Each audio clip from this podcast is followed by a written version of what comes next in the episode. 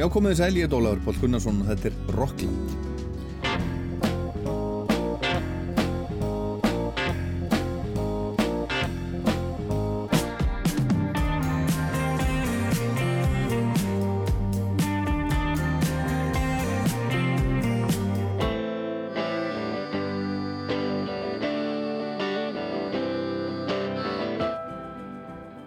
Og gleðilegan fyrsta mæ, til mikið með daginn, allir. Í setni hluta þáttarins hérna á eftir kemur læri fadir minn, hérna á Rástöðu, korkimörni minna, Magnús R. Einarsson, fyrir um tónlistastjóri Rástöðu 2 og fyrir um dasgrafstjóri um tíma. Hann kemur í heimsók með umfjöllun um ítalska stórsöngvaran Andrea Bocelli sem heldur tónleika í Kórnum í Kópaveginu á lögadaginn 20. og 1. mænas komandi en Bocelli þykir vera með hérna fallegustu rödd í heimi og hefur selgt yfir 90 miljónir platna á heimsvísu. Og hann átti þátti því að færa síkilda tónlist í samtíman þar sem að löginans hafa náð fyrsta sæti á öllum helstu vinsaldalistum heims. Selin Dion, hún segir hefur sagt um hann að ef að Guð hefði söngrödd þá myndi hún hljóma eins og röddina Sandra Bocelli. Þetta segir á, á tix.is þar sem að miðasölan er í fullum gangi en Magnús náði í Andrea Bocelli í síma á, á dögunum. Og við heyrum Magnús tala við og um Andrea Bocelli. Það er alls konar í Rocklandi í dag. Það er allir velkomnir á þetta í, í Rockland og við heyrum nýja músík með til dæmis Likke Lee, Florence and the Machine, Sting, Ray Cooter og fleirum. Og já, gammalt líka og svo er það Guðskus, það var Guðskus í síðasta þætti. Biggi Veira, Birgir Þórarinsson sem er svo eini sem hefur verið í Guðskus allan tíman, allt frá byrjun árið 1995 til dagsins í dag. Í 27 ár, hann var gestur síðasta þáttar. Og við rættum um, um hitt og þetta. Allt og ekkert, músík og menn og konur allt mögulegt. Og við vorum ekki alveg búnir þegar tíminn var úti. Og þess vegna er smá framhald hérna í dag En Guðskus fekk á dögunum íslensku tónlistavelunin í fyrsta skipti fyrir pop-plötu ásins. Komið tími til, plata frábær, kannski besta plata Guðskus og við byrjum bara það sem að frá var horfið fyrir viku. Ég held ég velji Simple Tuesday að það fjallat aldrei um sko um þessa um þessa sko frestun á einhvern veginn að stíga skreðið áfram sem þú veist að þú þarfst að gera. En og ætla kannski bara að gera næsta þriðdag svo kemur næstu þriðdagur ah. Tókst ekki. Kannski næsta þriðdag þannig, að, þannig, að, þannig að þetta er bara en, en allan dagar eru þriðdagar þannig að bara það er hægt að gera líka í dag þótt að sé þriðdagurinn, förstu dagurinn þriðdagurinn It's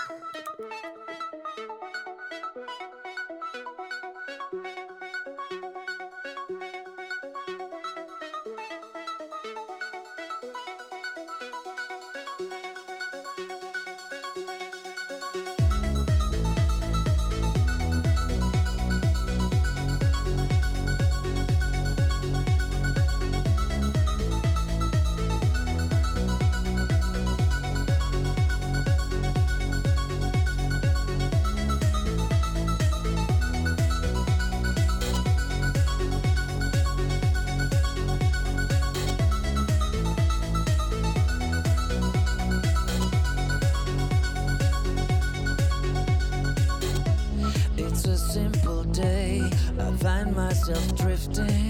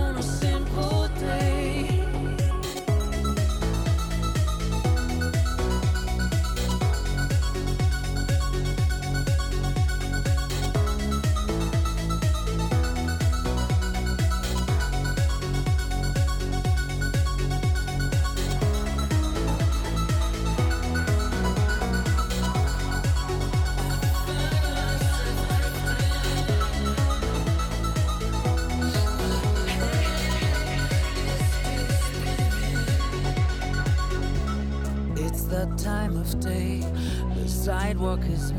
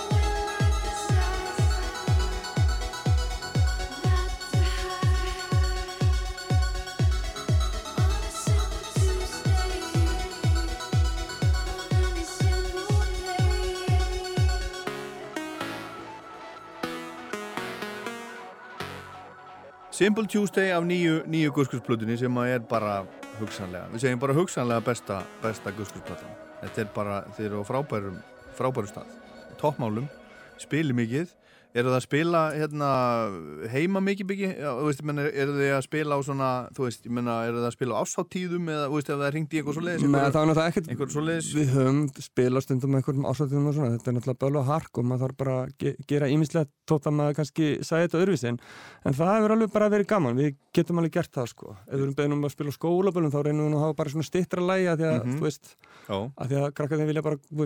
að því að heyra bara, þú veist, komast fljótlega í að bara fara í sleik við eitthvað hip-hop. Þannig að maður vil ekki vera að tröfla á lengi. En, en vilja kannski fá eitthvað meira heldur en bara skilur, þannig að, þannig að, að jú, jú, við getum, við, við höfum gert nokkra ásáttir sem hafa bara verið bróksa skemmtilega sko. þannig að það er, við erum til í alls að konar. þið eru til í hvað sem er. En svo vorum við að tala á þannig um hérna, hérna Austur-Evrópu, þið hafi mikið verið, verið í Austur-Evrópu. Já. og eru, það að fara núna já, núna erum við fært til Þískalands það er náttúrulega hluta Austur-Európu sem eru stóru, stóru löndin okkar Já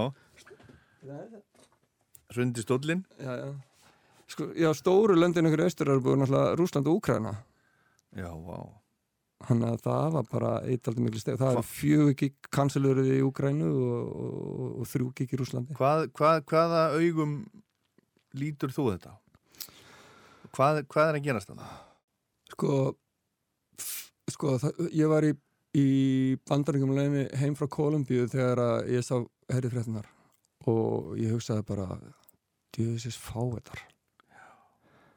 Mér finnst bara eitthvað svo sorglegt að hafa ekki einhvern veginn eftir hrun Sovjetiríkjana einhvern veginn náðst að bet, tengja betur þetta eista austur við bara einhvers konar európska samvindund að við þurfum á að halda að bara klúðraðist.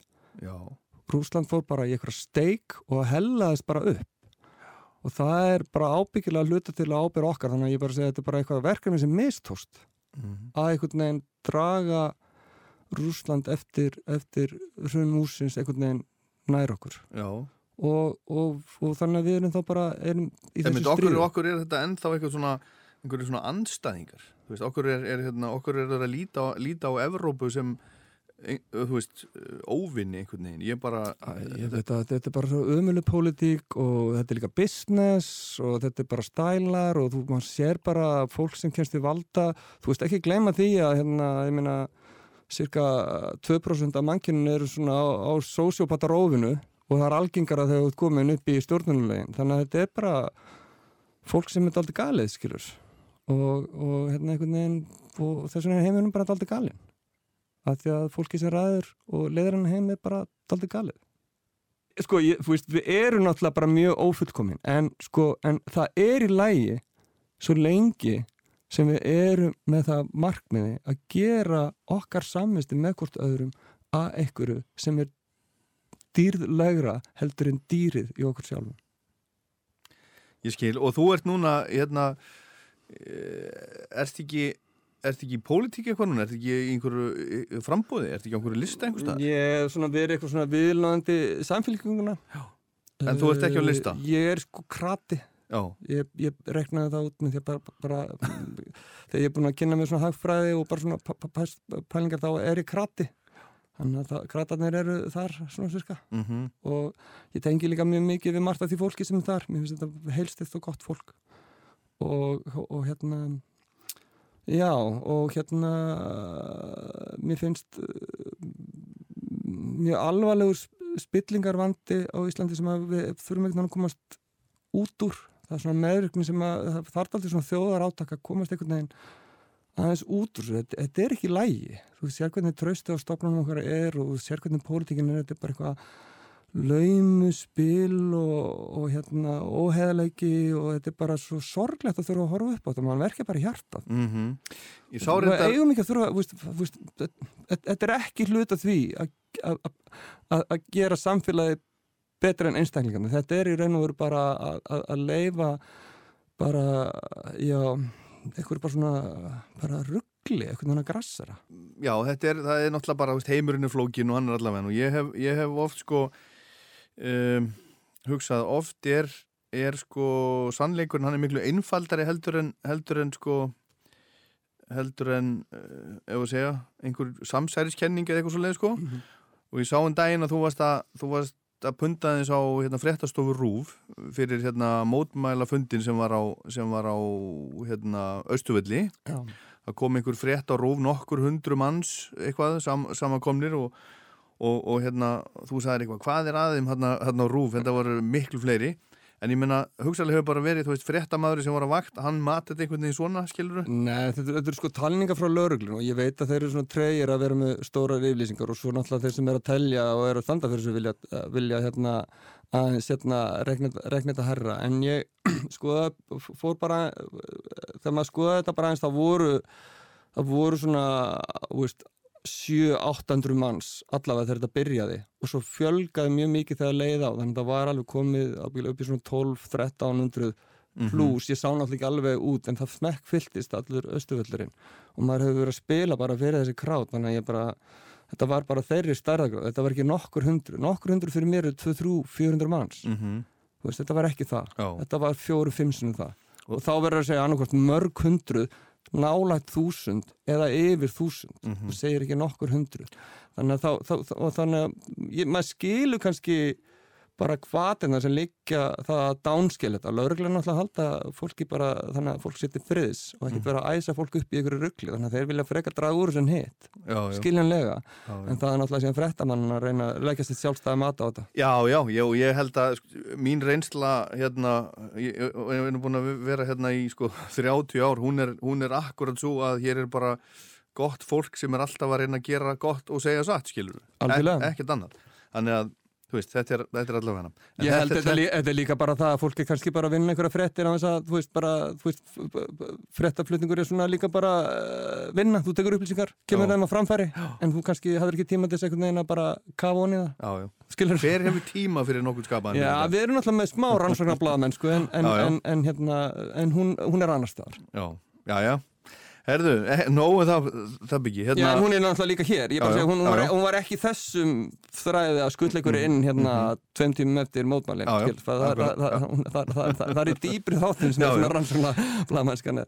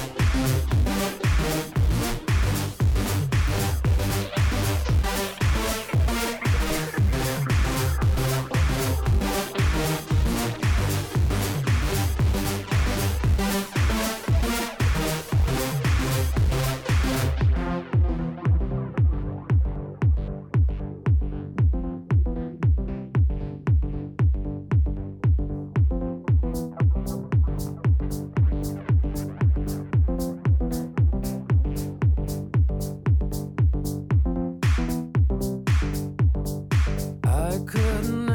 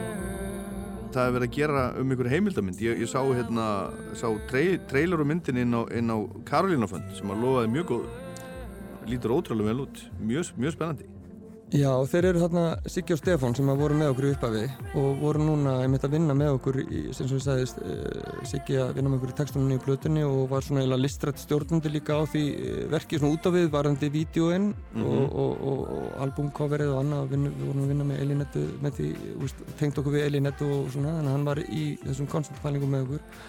Og svo gerðu þeir visuálana við sem sagt, sjóið sem var síðan í, í, í Eldborginni unnu alltaf svona svona my- myndefnið sem var þar. Og hérna og, og já þeir, þeir hafa verið, eru náttúrulega bara kvikund að gera menn og hafa verið að gera konar hluti og sjá bara í þessu ákveðna svona sögu sem var áhvert að kafi í að þetta er búið að vera svona steg og hérna þannig að það er alltaf áhugavert að kafa hún í í furðulíf tónlistafólks Ert þú, safnari sjálfur? Safn, safnari guðskus? Nei, mér vantar fullt sko. Ég, Er það? Já, já, já. Átt ég, ekki, þú veist, hérna þú veist, Ég á nú myndir, eitthvað plagöt, vídeo? Það er eitthvað box, eitthvað staðar. Ég á nú held ég flest alltaf Plutunum og diskunum Ekki allt samt, en svona mest allt.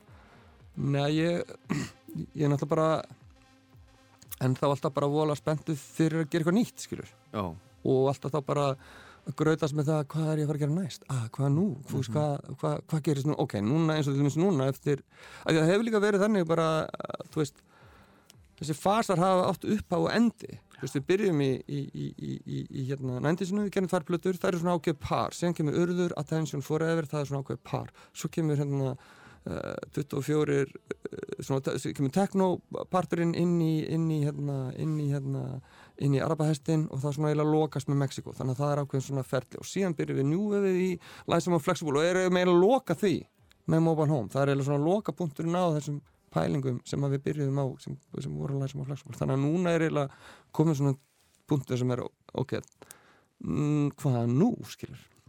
Og ég veit ekki, við erum svona kannski, ég held að, en það verður alltaf eitthvað eitthvað verið að kíkja inn í hvað er að gerast í teknokirkinu og skoða svona aðeins hvað er, að, hvað er í gangi þar til þess að vera inspireraður fyrir næstu skrif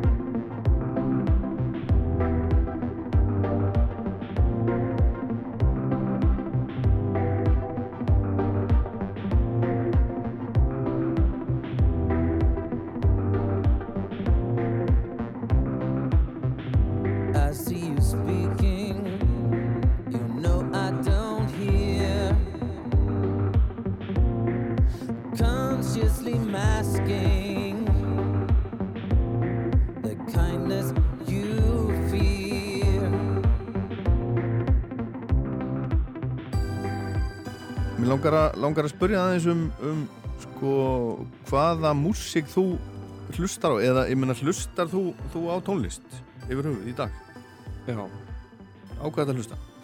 bara alls konar eitthvað nýtt sem maður finnur. Ekki gamalt? Ekki Deepest Mode? Alls ekki? Nei, ég er alveg hættur að hlusta tíma smá. Já, af hverju? Bara ég hef ekki þangað að sækja. Nei, Ekki lengur, skilur. í hvað, í hvað ertu að segja? Eða veist, Já, sko, fólk sem að, sko, þetta er náttúrulega rosalega mismunandi hvernig fólk er skrúað inn í tónlist þetta er náttúrulega bara venjulegt fólk sem er ekki vinna, er ekki tónlistafólk en er að njóta tónlistar og getur verið bara mjög miklu dýpi og það náttúrulega er alveg mismunandi sum, sum, sumir, sumir sko eru nota stundu sagt að sumir bara uppfæra ekki tónlistarsmekki sinni eftir 35 ára það er eitthvað til því? En fimm- það það eða ekki- 15 ára?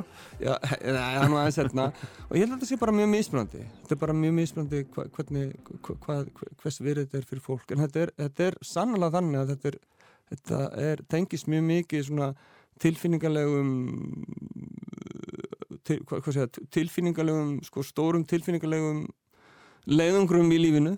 Eins og að vera kynþróska og verða unglingur og fullorðin gifta sig, elska og svona hluti þannig að oft er tó- tónlist þessu tengt af því að það er einhvern veginn með svona óorðaða tengingu við tilfinningarlifi og svo kannski þegar það komið meira að regla hlutin og þetta er einhvern veginn fara að vera alltaf svona bara alltaf svona í horfinu þessi svona tilfinningu, þú veist þetta komið alltaf svona að bara þægilegan stað allt þetta tilfinningarót í lífinu og fólk er bara að gera aðra hluti að þá kannski er minni þörf fyrir að vera að gramsaka tónlist, ég veit, ég veit það ekki. En sumir eru bara alltaf að leita og þetta er bara mjög, mjög mikill hluti að þeirra tilfinningalegu næringu að að- snæða tónlist.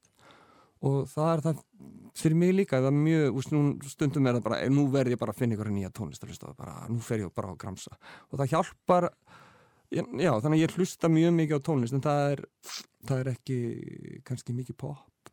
Nei, heldur. Það er bara eitthvað alls konar eitthvað klúpadót og eitthvað skrítið, skrítinni elektróning og eitthvað sem að bara, Já, þú ert þar, þú ert, þú ert ekki klassískri músík nei, ekki að hlusta á jazz, nei, ekki að hlusta á blues nei, ekki að hlusta á þjólaðatónlist nei.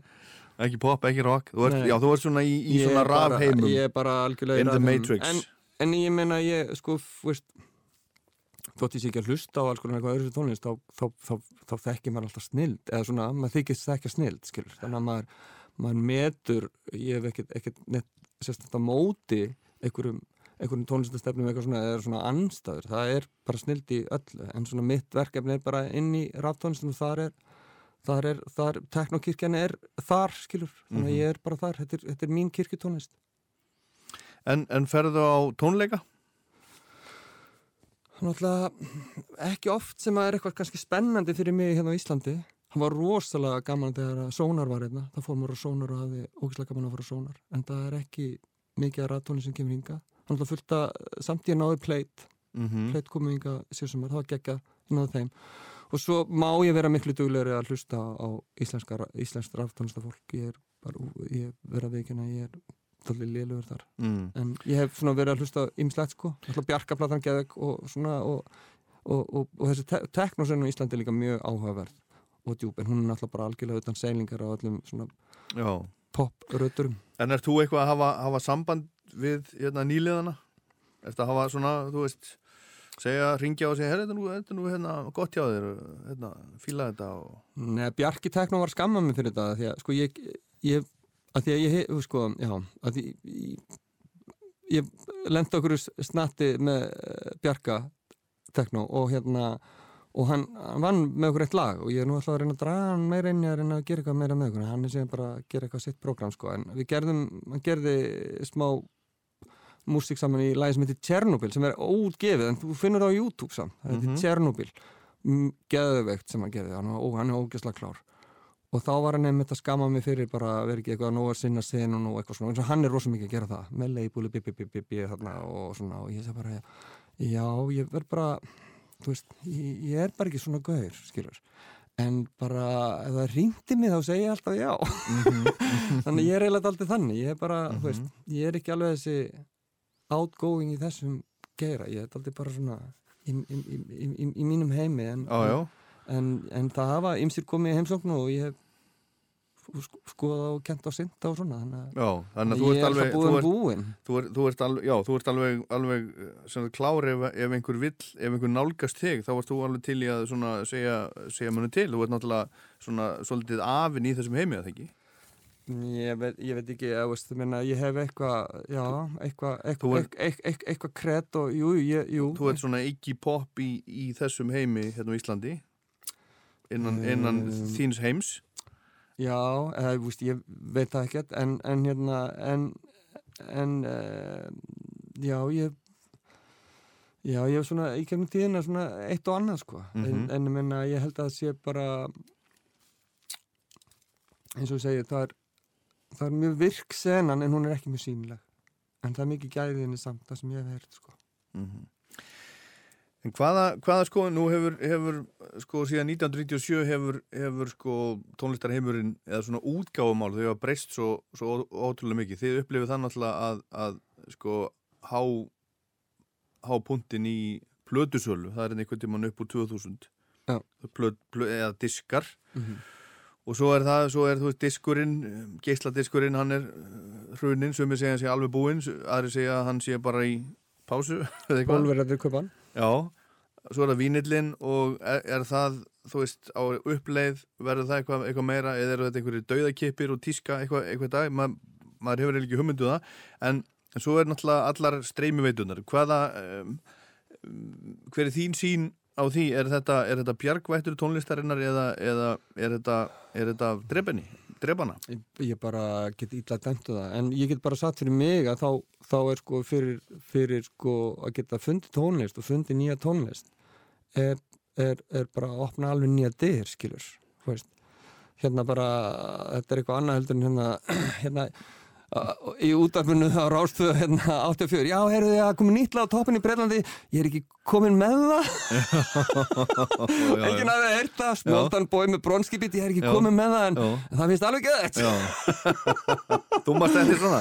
Já, já, þetta er náttúrulega ekki svona lengur, þú finnur allt strax. Mhm. og það er sem hættan sem að verður við það er að þá, missir þetta verðmætti sitt af því að þetta er ekkert exclusive. Mm þú veist, þú átt ekkert blötuna það er bara allir með þetta skil, en hérna en það að finna tónlist og, og, og uppkvæmt tónlist er bara allt annað núna þannig að er, þetta, þetta er náttúrulega bara allt annað og miklu opnari tímar og, og bara allt til. En, en á sama tíma er kannski ákveðin einsleitni því sem er á poppinu ég veit ekki, skilur minna, veist, en það er bara eitthvað sem breytist og breytist hægt og þú veist, það kemur eitthvað nýtt og svona en, en allavega verður, verður bara spennandi að sjá hvað gerist.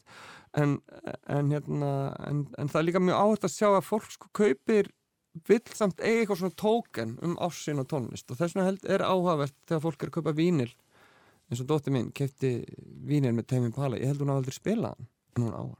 Hún á Teimin Pala vínil þannig að þegar hún hlustar á Teimin Pala á Spotify á hann á vínil skilur, þannig að þetta er svona, svona þetta er svona, til, svona tilfinningartengt hvernig þú tengir sko, þetta er alltaf svona þannig. Þannig að, eins og segi, já ég eh, ætla ekki að fara að spá um þetta, ég ætla bara að vona að, að hérna, tónlistamenn fái, geti samt haft eitthvað svona tekjur, þannig að það verði eitthvað, eitthvað, eitthvað dýft og gæði í þessu, þetta verði ekki bara eitthvað, einhvers bara, einhver risa leibúl sem stjórnir markaðan sem er svona, sem er alltaf bara þannig að milli, það hefur alltaf verið þannig að leibúlin eru stór, svo kemur einhver indie-bylgja á móti, en svo veit maður ekki núna í þessu nýju umhverju, hvernig gengur það skilur, veist og þetta, það að popstjörnuna sé núna verði að vera fyrst eitthvað eitthvað svona vera einhvern veginn social stjörnur áður en að vera popstjörnur og ma, ég veit ekki alveg hvernig það þróa sko, mjög áhært, ég var að að, að, við vorum á tónleikum í Kolumbíu og svo kemur einhver gaur hérna eftir, við vorum búin að gera, ég og Daniel vorum að gera, Margaret komst ekki með, hún fekk COVID. Og við fórum bara og tveir og gerum eitthvað og gaman og fólk gaman og og svo kemur einhver gaur á eftir okkur okkur svona reysa DJ borðið eitthvað og, og maður geti ekki, er þetta DJ eitthvað, ok. Nei, þetta er greinlega bara playbacki, byrjaði bara að spila eitthvað svona rýmis að einhverjum hittum, hittur um einhverjum stórstjörnum svo fyrir eitthvað og gæðist þannig bakkan þá er hérna fyrir fram að segja eitthvað saxóhónleikari og trommuleikari og ekki gítarleikari og svo bara við og við þá trommar trommuleikarinn eitthvað onni í þetta og svo, og svo tekur hann hérna White Stripe riffi þannig að gítarleikarinn eitthvað hann kemur það smá kapli eitthvað og hann byrjuð hann er, þetta er ekki White Stripe og svo fer DJ-n eitthvað og syngur eitthvað kofvelag upp og ég svo bara hvað er ég að horfa á? Þú veist, er þetta tónleikar, er þetta DJ og svo fatt ég hvað þetta var. Herðu, þetta er bara klukkutíman lang TikTok-skets og þetta er bara gaman. Og það fannst öllum þetta ógslag gaman. Og ég svo bara, ok, þetta er bara þetta er bara klukkutíma langt TikTok-skets og það er það sem við verðum að setja svið núna. Og það, og það finnst öllum bara að það er geðveitt gaman. Ok. en ég veit ekki hvernig það fer en ég menn að segja það er, það er, það er búa þetta getur bara verið hvað sem er. Það er bara, og að því enda þetta er það bara spurning, er gaman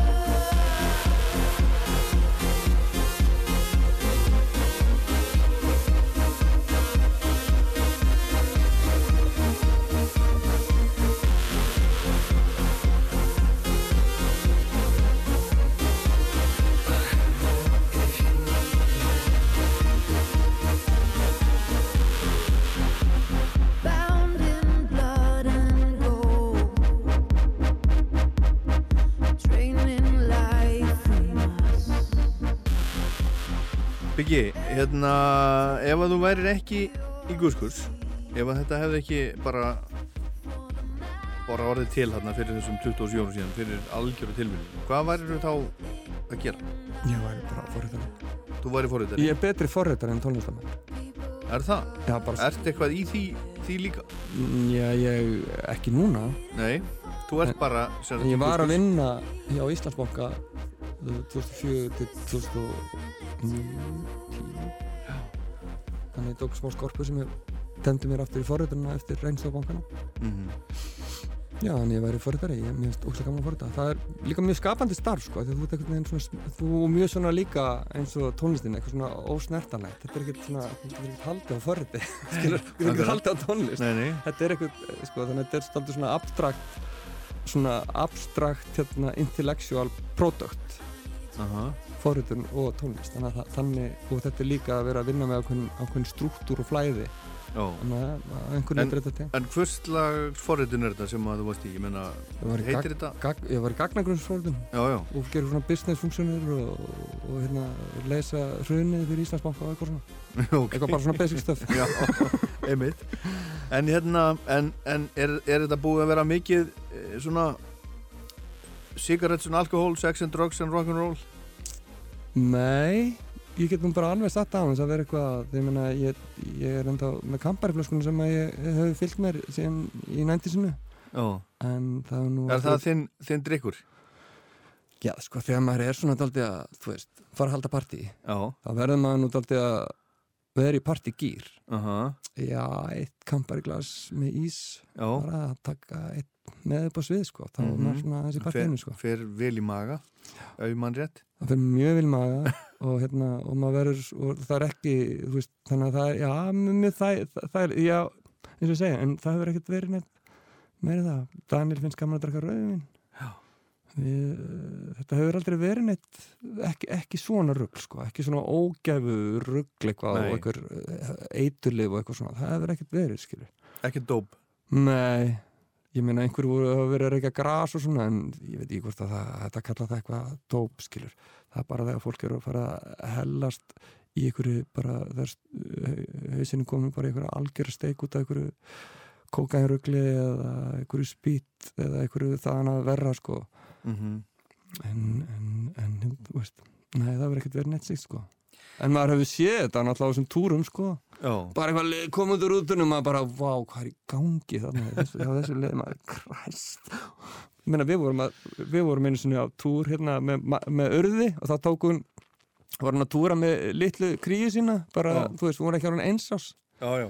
og við komum til Þýskalands og, og hérna og hérna rútubílstjórin var að koma að pikka okkur upp og hann, þegar hann sá okkur þá bara byrjaði hann að gráta Nú? Þegar hann sá litla batni og örði Já.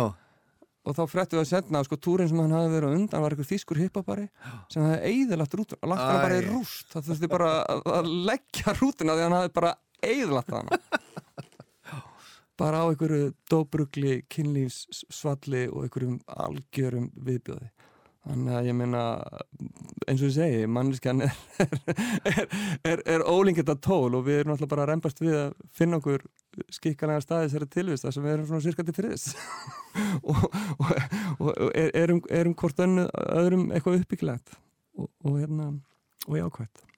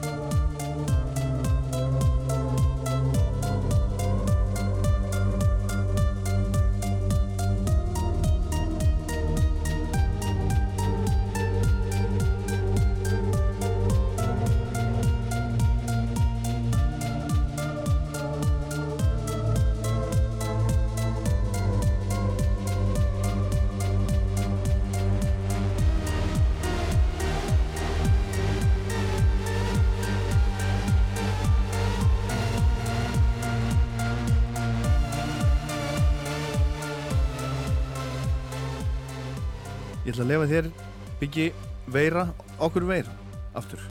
Ég er búin að, glemma því. Æ, það var bara þannig að Becky Rott að byrja að kalla mig þetta í Malbygginu það er bara eitthvað þannig Í Malbygginu? þegar ég var að vinna í Malbygginu Er þetta síðan þá? Já. Biggi Veira 88. já, ég, ég veit ekki hvað þetta Og þú bara notar þetta?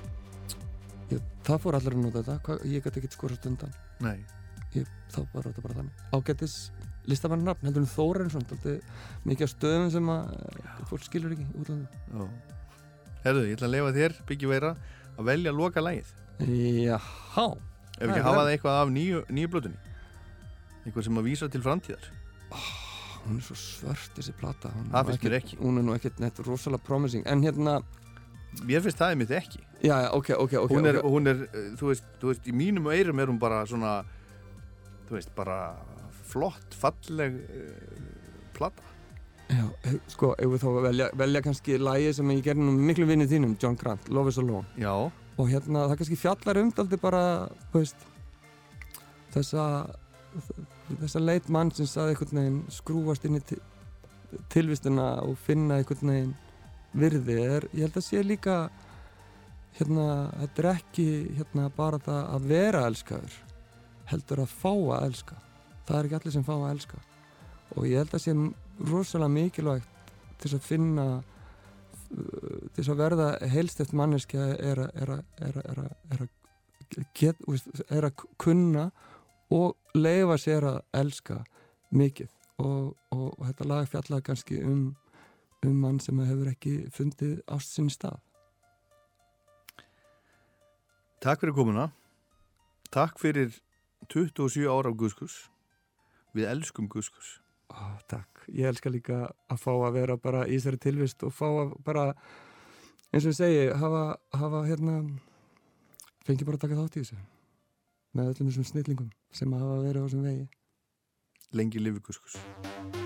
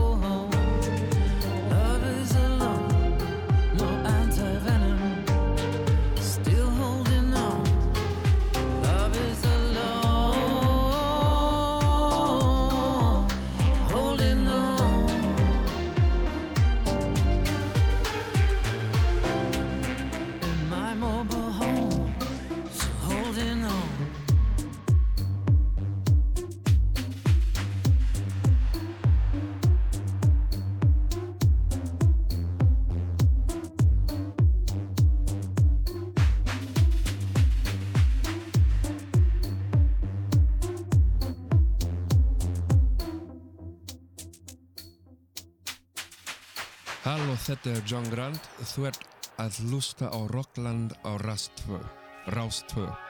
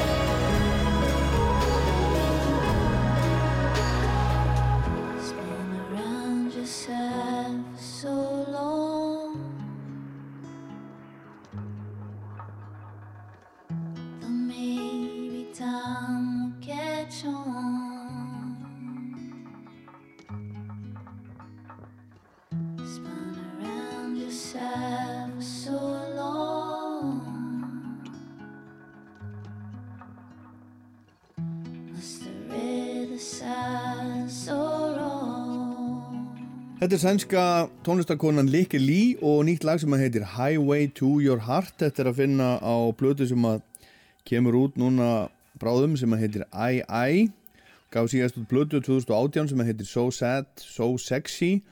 En þessi nýja plata hún var tekin upp í, í Los Angeles og, og Björn Ytling og hljómsveitin Peter Björn and John hann var með Likke Lee að gera þessa þessa plötu og hún segir um þetta lag Highway to Your Heart að þetta sé svona einhver svona ástar ástar blues.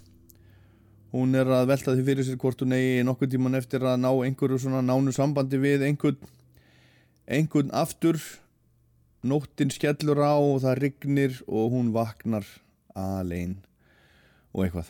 Þetta er einhver svona, einhver svona blues og ég veit nú ekki hvernig hvernig hennar romantíska eða ástalíf er nákvæmlega en ég veit að hún á, hún á bann með, með uh, bandarækjamanni sem heitir Jeff Basker sem er upptökustjóri, margvelunadur upptökustjóri og lagasmiður og, og svo leiðis og þau eiga saman són sem heitir Dion. Og Jeff Basker þessi mamma hans, ég hef sagt frá þess aður mamma hans, eða fóstur mamma hans hún er frá Akranesi. Þess að konan frá Akranesi sem að heitir Addi, eða kvöldu Addi hún er gift pappa þessa Jeff Basker, svona er þetta nú allt saman einn ein lítill heimur lítill tónlistar heimur og það var í síðasta þætti sem að Biggie Veira úr Guðskus var að tala um, um Florence and the Machine þegar Florence and the Machine kom hérna á Æsland Airwaves og Florence mætti á tónleika hjá Guðskus og eftir tónleikana þá bara neyðum sig og begjuði fyrir fyrir Daniel August og sagði bara þú ert, þú ert minn, minn meistari eitthvað svo leiðis og Florence the Machine var að senda frá sér nýtt alveg svakalega skemmtilegt lag sem ég ætla að spila hérna. Næsta heitir, heitir Free. Og þetta er að koma út á nýri plödu frá, frá Florence the Machine sem heitir Dance Fever. Og það er skemmtilegt myndband við þetta lag sem ég skora á ykkur að, að tekka á bara til dæmis þegar þátturinn er búinn. Bill Nighy sem að margir þekkja leikarin Breski sem að leki í hvað heitir hún myndina aftur? Uh, Love Actually hann leikur, leikur í myndbandinu. Og þetta myndband er, er eh, tekið upp í Úkrænu í fyrra fyrra höst, í oktober held ég í fyrra, löngu áður en að, að stríði skall á og hún tilengar lægið og myndbandið vinum sínum og, og úkrænsku þjóðinni. Skulum heyra þetta. Florence Machine, Free.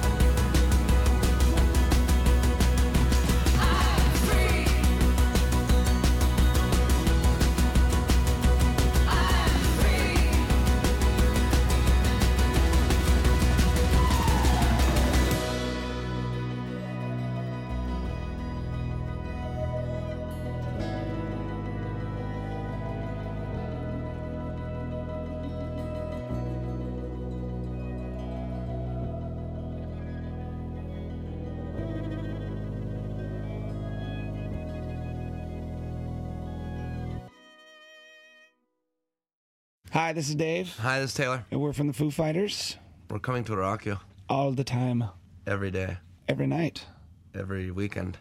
once a month. On Christmas. Holidays too. Happy Thanksgiving. Have a great birthday. Goodbye. See ya. á Rástvö Já, þetta er Rockland á Rástfö og nú skiptum við alveg um gýr. Magnús Reynarsson fyrir um dagskrafstjóri og tónlistastjóri Rásartvö. Hann er næstur hér á dagskrá, gesta umsjónamaður í Rocklandi í dag með umfjöllun um ítalska stórsöngvaran Andrea Bocelli sem heldur tónleika í Kórnum í Kópavogi, núna lögadaginn 20. og 1. mæ og Bocelli hann þykir vera með einhverja fallegustu rödd heims Hún er selt mikið af plötum og er mikil stjarnar. Hann uh, hefur átt átt í því að færa síkilda tónlist í samtíman. Það sem að lögin hans hafa náð fyrsta sæti á öllum helstu vinsaldalistum heims. Hann er bara super, super stjarnar og er að koma til Íslands. Selin Dion, hún, hún hefur sagt að ef að Guð hefði söngrödd þá myndi hún hljóma eins og röddinars Bocelli. Þetta segir á, á tix.is þar sem hefur verið að selja miða. En Magnús náði í Andrea Bocelli í síma á dögunum og við heyrum Magnús tala um og við Andrea Bocelli á ítölsku. Þeir töluðu saman á, á ítölsku en Magnús segir þetta frá á íslensku.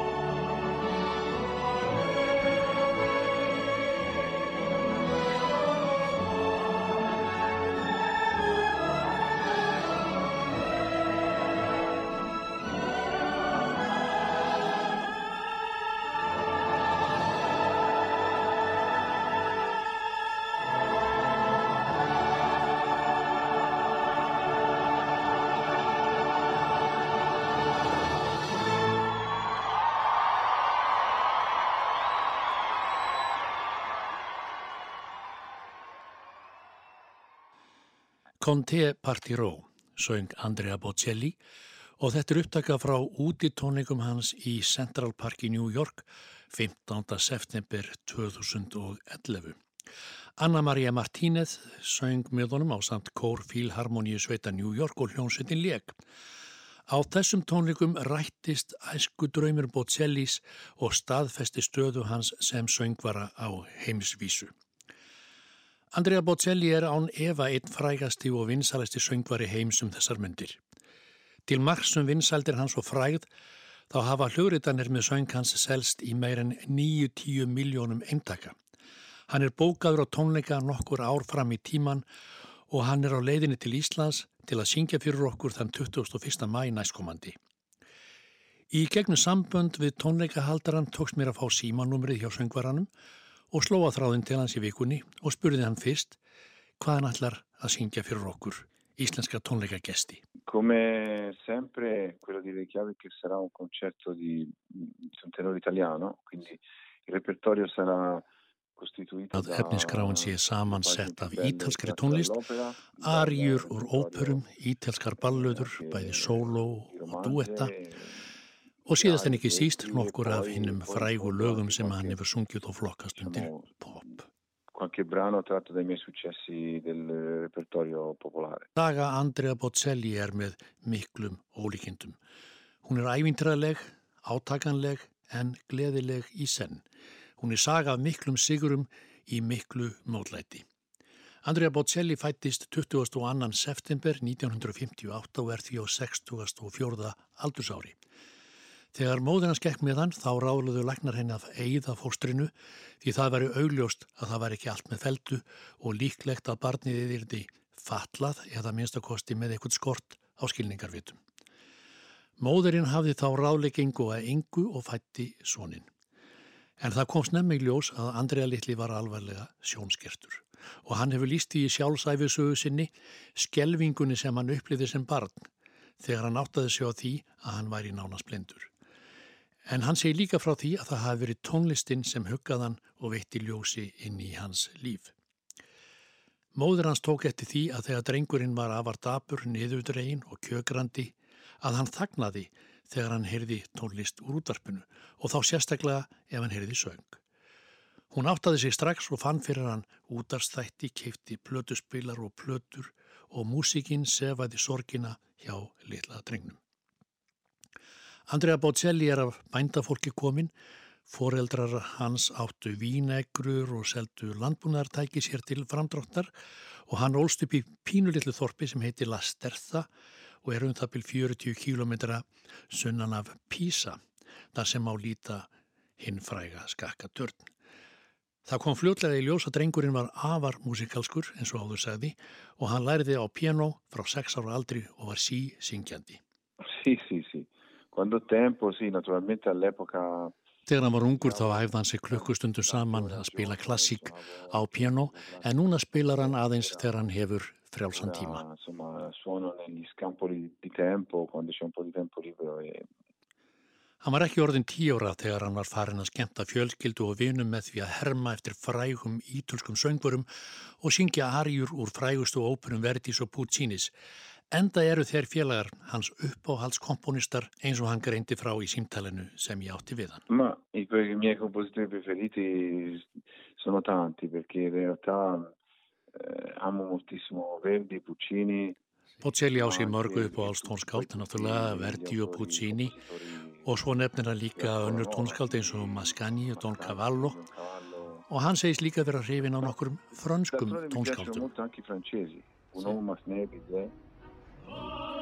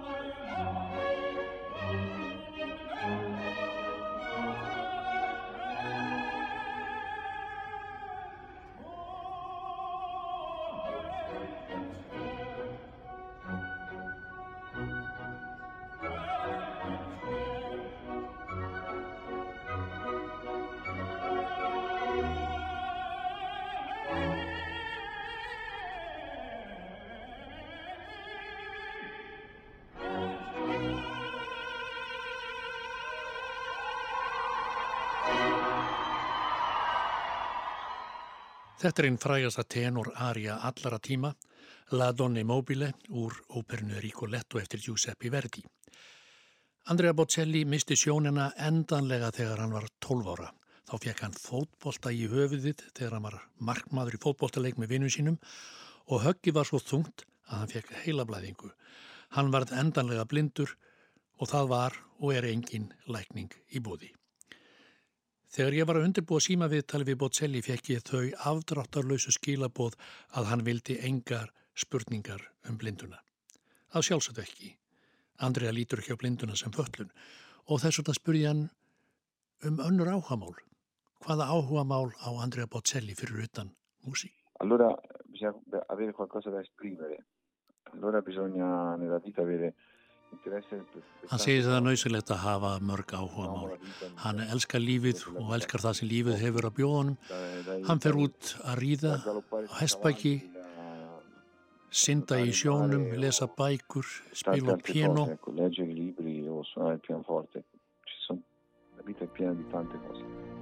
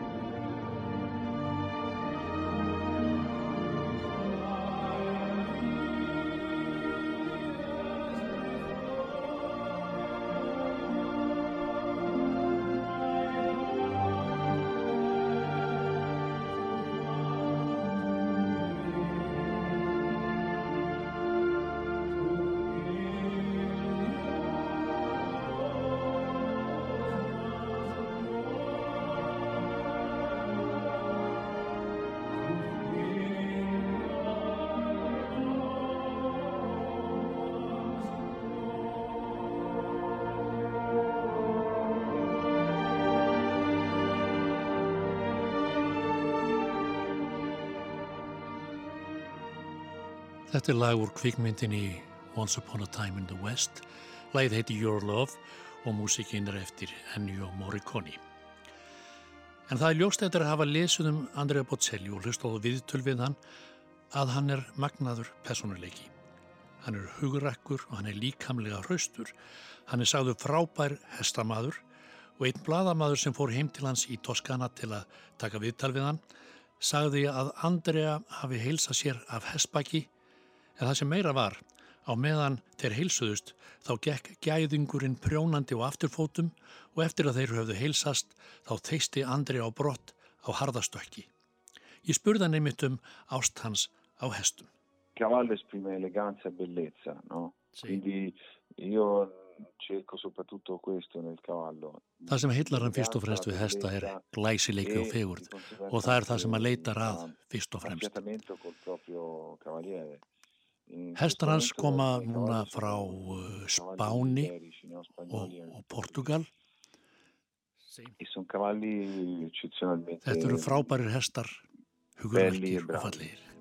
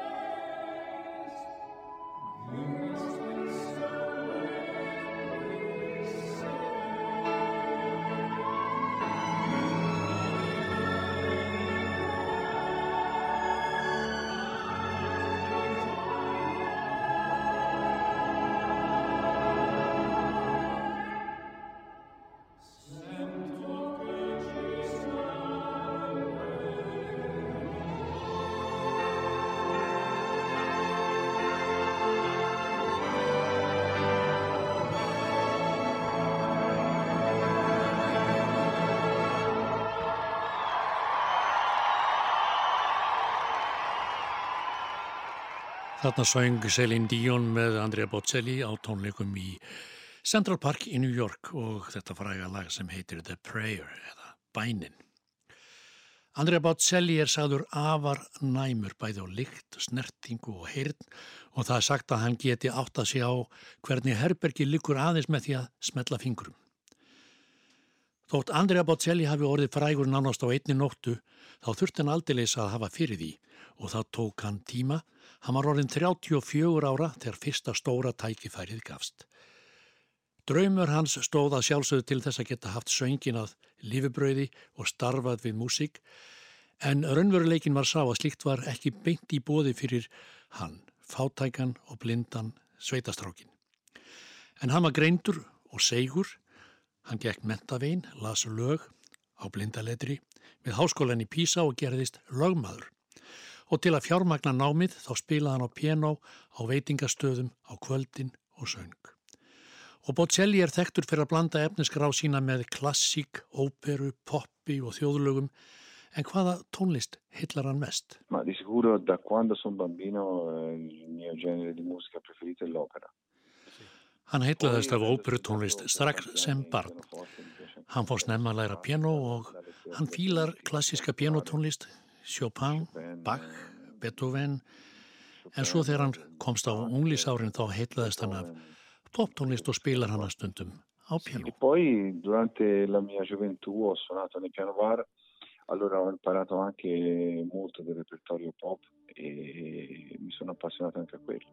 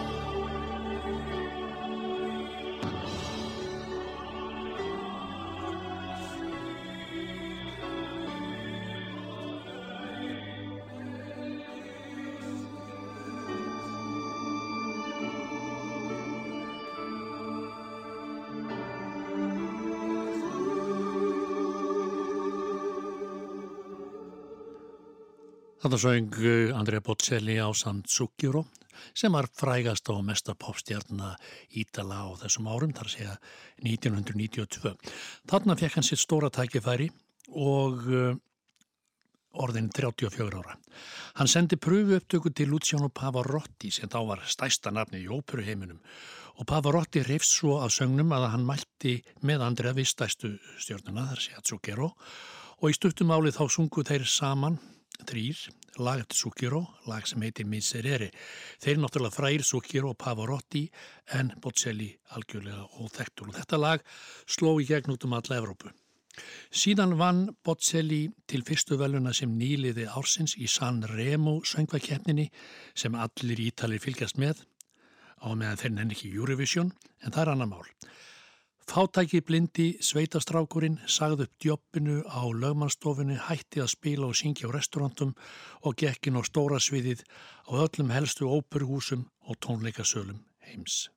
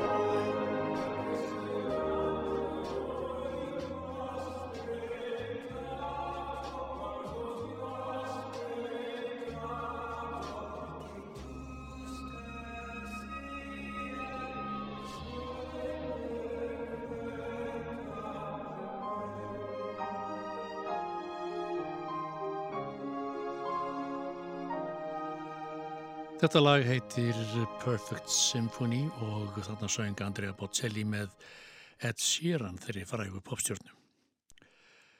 Ferill Andrea Bocelli hefur verið einstaklega farsæl. Vinsældir hans hafa vaksið stöðugt og hann er eftirsóttur til tónleikahals og það vilja allir syngja með hún. Hljóðuritin seljast eins og heita lumur en þótt hann sé nú án ef einn frægast og vinsælasti söngvari heims um þessar myndir þá þýðir, þá þýðir það ekki að hann hafi hlotið einróma lof, öðru nær. Kritikerar í óperuheiminum geta verið afar miskunarlausir og Andrea Bocelli hefur vissilega fengið að kenna því. En helsta afrik hans á tónlistarsviðunum á segja að það hafi verið að tengja saman pop og klassík í blöndu sem hefur fallið í geð tónlistanitenda. Popsöng og lýriskan óperutenur. Og svo blanda hefur slegið rækili í gegn eins og sannast á því að meira en 9-10 miljónir hljóðrita hafa selst með söng hans og það er nánast alltaf uppselt hvar sem hann syngur. Eftir spurnin að honum er meiri enn frambóðið svo nota sé markaðsmál. Andrea Bocelli hefur tekist að syngja sig inn í hjörtu miljóna manns um allan heim og nú loksins fáum við Íslendingar tækifær til að heyri í þessum einstaka listamanni syngja hér á landi.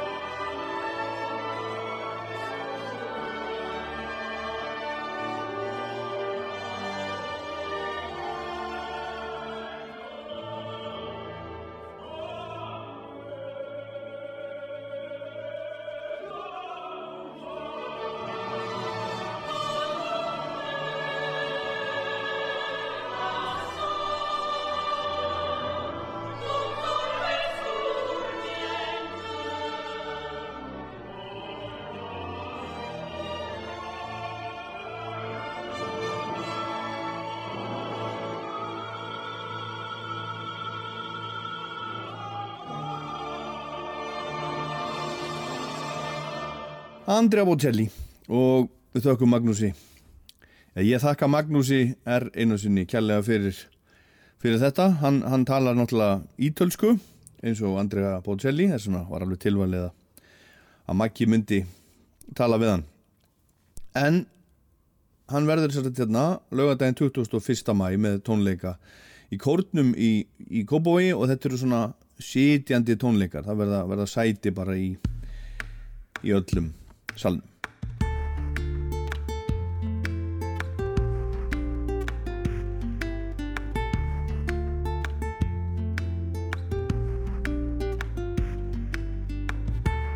¿Qué dejaría de hacer?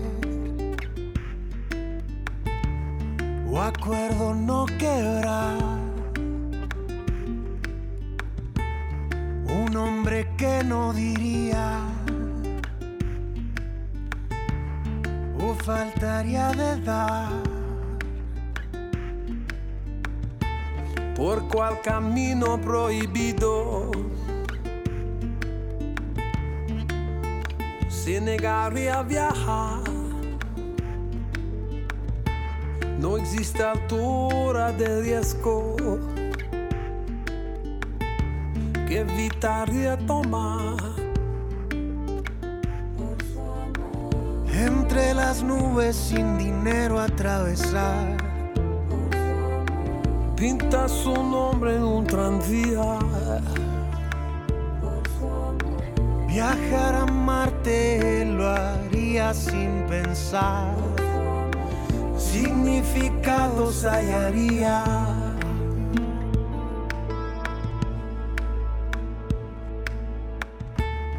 ¿Qué es lo que no intentaría? Supera sus miedos más profundos que suelen traicionar. No existe esfuerzo que se fuese a agotar. Ella es la luz bajo la luna. Acumulando poco para ahorrar. Se ganará su adoración.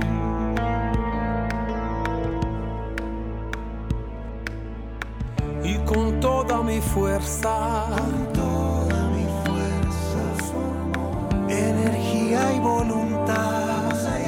Con energía por su amor. le daré hasta el sol y el mar. Hasta el cielo y de allá.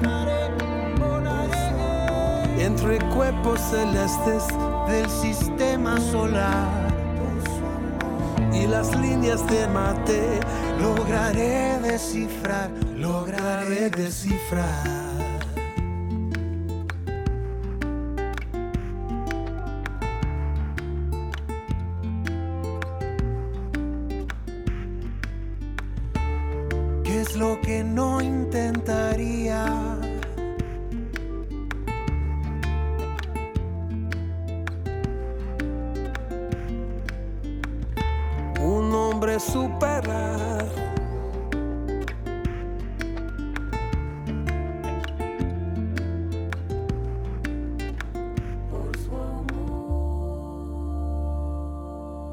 Hérna heyrum við í Sting eins og margir eflust heyra, þetta eru Sting og, og náungi sem heitir Kurt, þetta er, þetta er eh, ný útgáfa af gömlu uh, lægi eftir Sting sem heitir For Her Love, þetta heitir hérna á spænsku, Por Su Amor að sjálfsögðu.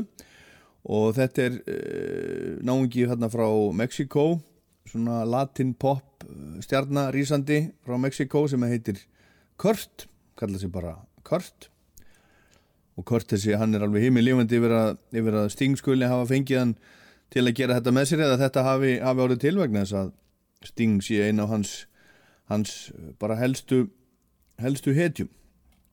En skulum heyra næst annan duett og þeir eru nú aðeins aðeins eldri þeir drengir sem að, sem að flytja það lag Taj Mahal og Ray Cooder en þeir voru að senda frá sér plöturuna 22. april sem heitir Get On Board The Songs of Sonny Terry and Brownie McGee. Og þetta er fyrsta platan sem þeir gera saman í 57 ár, þeir voru í hljómsveit saman í gamla daga sem að hétt The Rising Sons en hafa ekki gert plötu saman í 57 ár. Báðir frábærir gítarleikarar þekktir fyrir, einstakann stíl á, á ramaskítar og þessi nýja plata, þannig er um, Rækúter á gítar og hann syngur, hann spilar á mandalin og, og banjo og, og Taz Mahal syngur, spilar á munnörpu og gítar og piano og Sónur Rækúter, Jóakim Kúter hann spilar á trommur og bassa. Og þetta er svona, þetta er svona blues uh, covera plata. Og skulum heyra það að syngja hérna lag sem að heitir Hurray, Hurray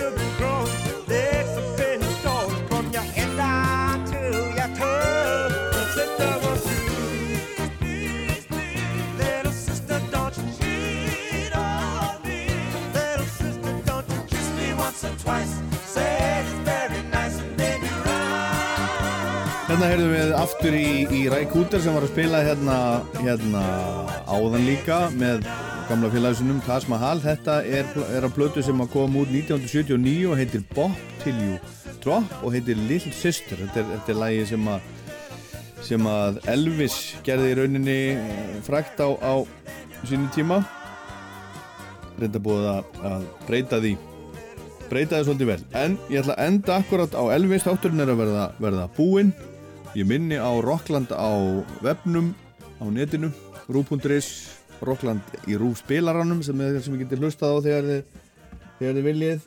Og svo er það eh, Rockland á Spotify og það sem er náið ykkur í, í hlaðvarp podcast, einfalt mjög einfalt og algjörlega briljant og svo minni ég á Rockland mæli með lagalistan líka á Spotify sem ég uppfæri mánaðarlega og, og nú er ég að fara í það að, að uppfæra hann, ég veit ekki hvort ég gera það í dag kannski á, kannski á morgun.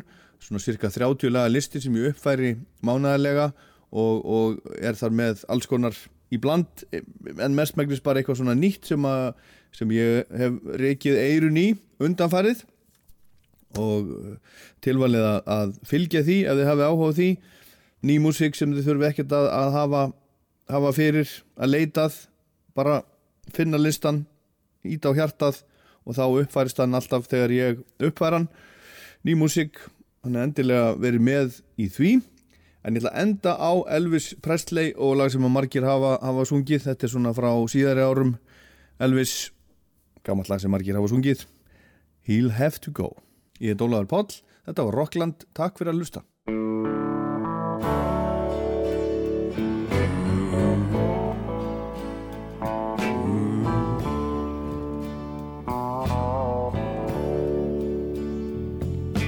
Put your sweet lips a little closer to the phone.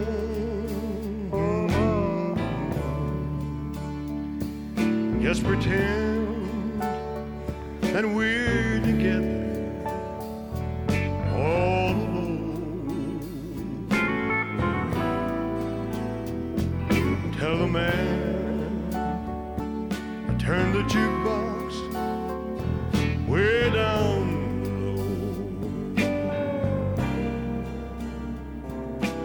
can tell a friend there with you, you'll have to go. You can't say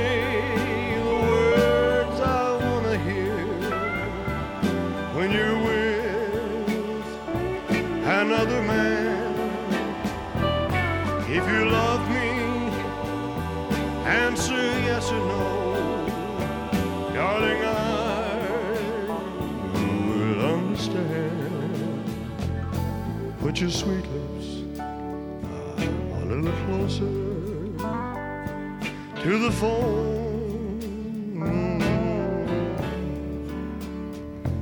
Just pretend